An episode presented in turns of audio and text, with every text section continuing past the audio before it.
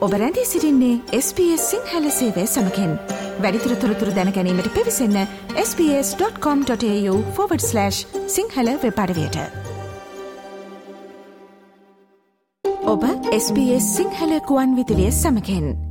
ඔස්ට්‍රලයාාවේ මේ එළබිලා තියෙන්නේ වසන්තේරතුව ඉතිං වසන්තේරතුව කලෙලි බහිත්ම මේ විෘතුවටම අදාළ වන රෝගාබාධ කිහිපයකුත් නිරන්තරින්ම අපිට දකිනට ලැබෙනවා. මිනිස්සුන්ගේ විතරක් නෙමෙයි සත්තුන්ගේ පවා. ඉතිං අපි අද හිතුව ස්බේස සිංහල ගොන්න දුලෙක් මේ සුරතලයට ඇතිකරන සුනකයින්ට ඔස්ට්‍රලයාාවේ මේ වසන්ත කාලයේදී බහුලව ඇතිවන ආසාත්මිකතා පිළිබඳව කතාබහ කරන්නට මේ සාකච්ඡාවට අපි ආරාධනා කළා මෙල්බනුවර පශු අයිද්‍ය සමන් කරසිං ආරච්චි මහතාට. අයිබෝන්න වෛදතුමනේ අයිබන් මදිර හොඳයි සුරතලයට ඇතිකරන සුනකයින්ට මේ ඔස්ට්‍රලියාවේ වසන්ත කාලයේදී බහුලව ඇතිවන ආසාත්මිකතා මොනවද වෛදතුමනි. ඕමදුර දැන් අපි මේ ස්ප්‍රිං කාලේ ස්ප්‍රිං කාලය හෙමනැත්තං වසන්ත කාලය ගත්තොත් මේ කාලේ බහුලවම දක්නන් ලැබෙනවා ඇලජිස් කිහිපයක්. ඒකෙන් ප්‍රධාන වශයෙන්ම දක්නන් ලැබෙන අසාත්මිකතාවෙන් ඇලජික තමයි මේ ඒටෝපික් ඩර්මටයිටිස් කියන ඇලජික. ඒක ඇති වෙන්නේ මේ වාතයේ තිබෙන පරාග, ඒ කියන්නේ පොලන්, එහෙම නැත්නම් ඩස්ට් මයිට්, ඒ වගේම දිරිල වලට මේ බල්ලන්ගේ සමහේ ඇති වෙන සංවේදීතාවය නිසා තමයි. ඒ වගේම අපි දන්නවා මේ ස්ප්‍රින්ග් කාලේ වාතයේ උෂ්ණත්වය ඉහළ යනවා. ඒක හින්දා මෙම පරාග ඇතුළු අනෙකුත් ඇලර්ජන්ස් ඉහළ ප්‍රමාණයකින් මේ ස්ප්‍රින්ග් කාලයේදී අපිට දක්න ලැබෙන්න පුළුවන්. ඒ හින්දා අපි මේ ස්ප්‍රින්ග් කාලය තුලදී මේ මෙම ඒටොපික් ඩර්මටයිටිස් කියන ඇලර්ජි එක වැඩි ප්‍රවණතාවයකින් දක්නට ලැබෙනවා. තව අසාත්මිකතාවයක් තමයි මේ පෙන්ටෙක් ඇලර්ජි කියන ස්පර්ශය නිසා ඇතිවෙන ආසාත්මිකතාවය. මේකට හේතුවක් තමයි මේ තනකොළ සහ අනිත් පැලෑටි එම බල්ලන්ගේ සමහි ස්පර්ශ වීම නිසා ඇතිවෙන ආසාත්මිකතාවය. ඒ වගේම මధుර අපි තව අසාත්මිකතාවයක් මේ ස්ප්‍රින්ග් සීසන් එකේදී බහුලව දක්නට ලැබෙනවා. ඒක තමයි මේ ෆ්ලී ඇලර්ජි ඩර්මටයිටිස් කියන. ඒ කියන්නේ මේ මැක්කන් සඳහා ඇතිවෙන ආසාත්මිකතාවයක්. ඒ කියන්නේ බල්ලන් සහ බළලුන් මේ මැක්කන්ගේ කෙලවල තියෙන මේ ප්‍රෝටීන එකට සංවේදී වෙනවා.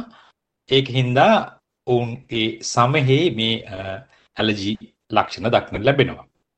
අපි දන්නවා දැන් ස්ප්‍රින්ග් සහ සම කාලයේදී මේ මැක්කන්ගේ බෝවීම ඉහළ යෑමක් දක්නට ලැබෙනවා.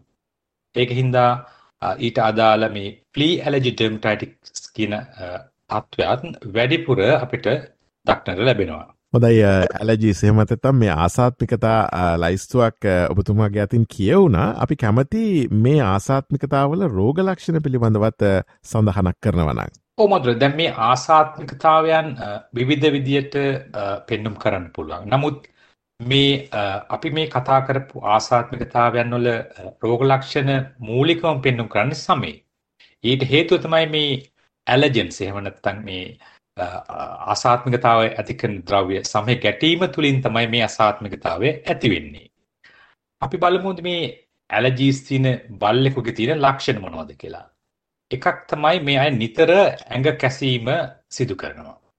අනිත් එක තමයි මේ සම ලෙව කෑම විශේෂයෙන්ම පාද සහ වලිගයවට ලෙව කෑම අපිට දක්නට ලැබෙනවා. ඒ වගේම තමයි සමහරලාට මෙම සත්වයන් සම විකනවා සැපීම. ඒ කියන්නේ තමන්ගේම කකුල චූවිං එහෙම නැත්නම් බයිටිං කියන එක කරනවා. අනිත් කාරණේ තමයි මේ ඔවුන් තමන්ගේ ඇඟ හෝ මුහුණ බිම ඇතිල්ලීම එහෙම නැත්නම් කාපට් එකක ඇතිල්ලීම වගේ සිදු කරනවා. අනිත් ලක්ෂණය තමයි මේ ඔවුන් පිටිපස ප්‍රදේශය කියන්නේ වලිගය යට ප්‍රදේශය බිම තියලා ඇතිල්ලීමක් සිදු කරනවා. අපි මේකට කියනවා ස්කූටිං කියලා.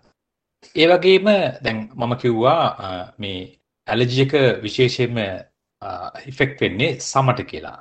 ඒ වගේම අපි සම පරීක්ෂා කිරීමේදී අපිට දක්න ලැබෙනවා විශේෂ ලක්ෂණ කිහිපයක්. මූලිකම අවස්ථාවල අපිට සමෙහි ගොඩක් වෙලාවට විශේෂ වෙනසක් දක්නට ලැබෙන්නේ නැහැ. අපිට දක්නට ලැබෙන්නේ ඒ අදාළ සුනකයා වැඩිපුර කැසීම සිදු කරන එකයි. නමුත් කල්ගත වීමේදී අපිට දක්නට ලැබෙනවා සමේ රතු පැහැය මතු වෙනවා. ඒ කියන්නේ සමේ තියෙන පැහැය වෙනස් වෙලා රතු පැහැයකට හැරෙනවා. ඒ වගේම තමයි පසු කාලිනව බිබිලි මතුවෙන්න පුළුවන් රතු පාටට. ඒ වගේම තමයි අපිට දක්නට ලැබෙනවා වැඩිපුර ලොම් හැලී යෑමක් දක්නට ලැබෙනවා. උදාහරණයක් විදිහට අපි අතු ගන්නකොට එහෙම නැත්නම් වැකියුම් කරාට පස්සේ වෙනදට වැඩිය ලොම් ප්‍රමාණයක් එකතු වෙනවා අපිට දක්නට ලැබෙනවා. අනිත් එක තමයි මේ නිතර ලෙව කෑමට ලක්වන ප්‍රදේශවල ලෝම වල පාට වෙනස් වීමක් සිදු වෙනවා. අපිට බොහෝ විට දක්වන්න පුළුවන් මේ රතුරු දුඹුරු පැහැයකට මෙම ලෝමවල පාට වෙනස් වෙන එක.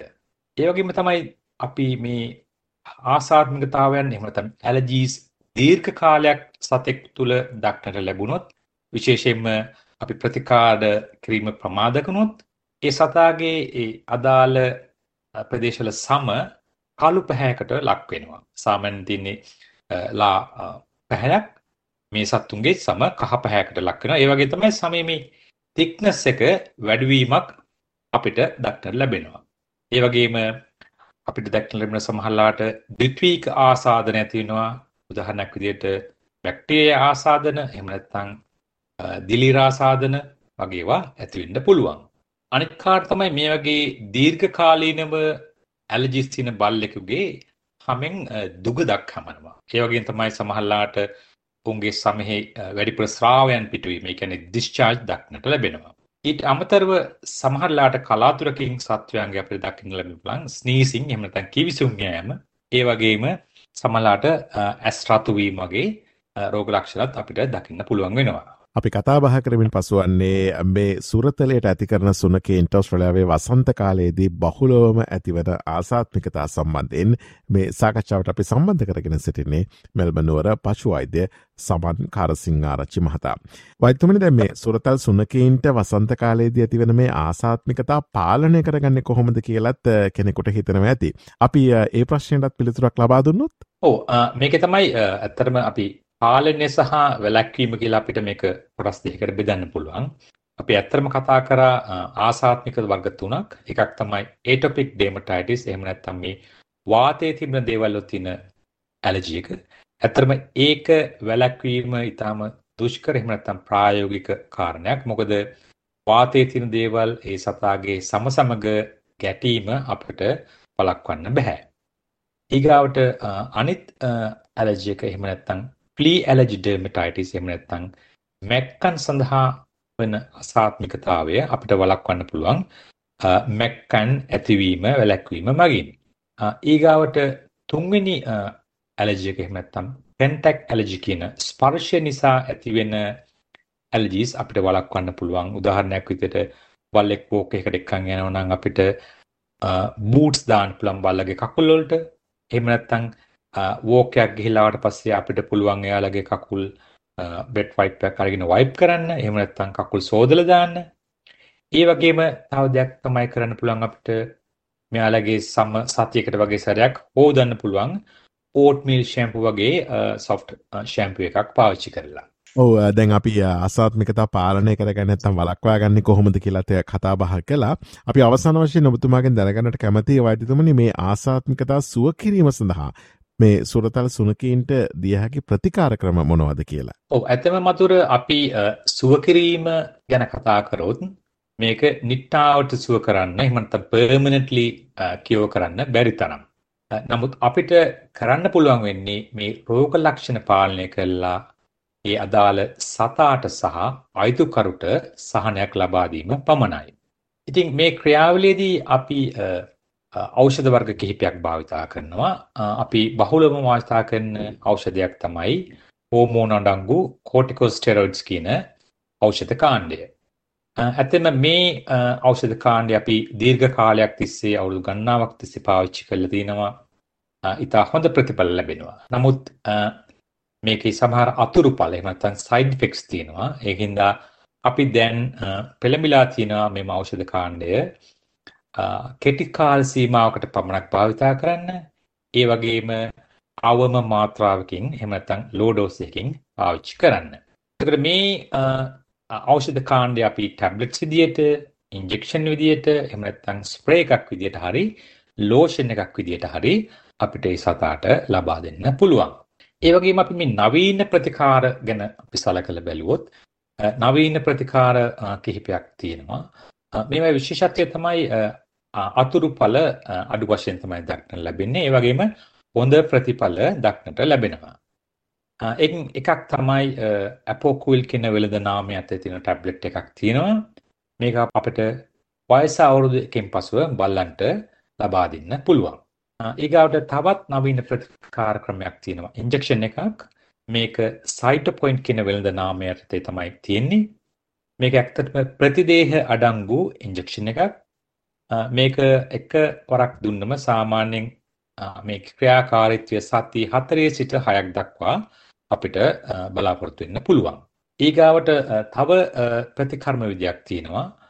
ඒකට කියන්නේ ඉමියුනොතෙරපි කියලා. ඒ කියන්නේ ඇත්තටම මෙතෙන්දි සිද්ධ වෙන්නේ අපි ප්‍රතිශක්ති පද්ධතියේ සංවේදීතාවය අඩු කරනවා මේ ඇලර්ජන් වලට. ඒ කියන්නේ අපි මෙතෙන්දි කරන්නේ අපිට පුළුවන් ස්කින් ටෙස්ට් එකක් කරලා හරි බ්ලඩ් ටෙස්ට් එකක් කරලා හරි මේ සත්වයා මොන වගේ දේවල් වලට ඇලර්ජි වෙනවද කියලා හොයාගන්න. ඊට පස්සෙ අපිට පුළුවන් මෙම ඇලර්ජන්ස් අවොයිඩ් කරන්න. එහෙම නැත්නම් මේවා සමග ගැටීම වළක්වන්න. එහෙමත් නැත්නම් අපිට පුළුවන් මෙම ඇලර්ජීස් ඇලර්ජන්ස් ස්මෝල් ඩෝසස් වලින් ඒ කියන්නේ කුඩා මාත්‍රා වලින් විතර ලබා දීලා ශරීරය එකට හුරු කරන්න. මේක තමයි අපි කියන්නේ මේ ඉමියුනොതെරපි කියලා. මේක සාමාන්‍යයෙන් ලබා ගැනීමට නම් මෙම සේවාව ලබා ගැනීමට පසු චර්ම වෛද්‍යවරයෙක් එහෙම නැත්නම් ඩර්මටොලොජිස්ට් කෙනෙක් හමු වෙන්න ඕන. හොඳ අපි කතා බහ කරමින් පසුයේ මේ ඔස්ට්‍රලියාවේ වසන්ත කාලයේදී සුරත්තලයට ඇති කරන සුනකයින්ට ඇතිවන ආසාත්මිකතා සම්බන්ධයෙන් සහ ඒ ආසාත්මිකතා වලක්වා ගැනීමට ඔබ කළ යුත්තේ මොනවද සහ ඒ සඳහා තිබෙන ප්‍රතිකාර ක්‍රම මොනවද කියලා විශේෂම මෙහිදී අපි කතාබහ කරේ ඉතාම මූලික කාරණා පමණයි. නිසා ඔබේ සුරතල් සුනකයාට යම් කිසි රෝගබාධයක් තිබෙනවා නං ඔබේ පශුවෛද්‍යවරයා ගාවට කිහිල්ල ඒ සම්බන්ධයෙන් නිශ්චිත උපදෙස් ලබාගන්න කියලත් අපි මෙතනද සහිපත් කරනවා. මොකද ඒ තත්ත්වයන් එකනකාට වෙනස් වන නිසාවෙන්ම. මේ සාකචාවට අපි සම්බන්ධ කරගත්තේ මෙල්බන්ඩුවර පශුවෛද්‍ය සමන් කරසිං ආරච්චි මහතා වෛද්‍යතුමනි බොහොමත්ම ස්තුතිවන්ත වෙනවා. ඔබේ අදහස් අපිත් සමඟ බෙදාහදා ගැනීම සම්බන්ධයෙන් සුබ දවසක් ප්‍රාර්ථනා කරනවා. සුබ දවසක් මදුර අයිබෝවන්. SBS. SBS. SBS. SBS. SBS. SBS Radio. ලයි කරන්න ෂයා කරන්න අදහස් ප්‍රකාශ කරන්න. SBS සිංහල ෆස්බුක් පිටුව ෆලෝ කරන්න.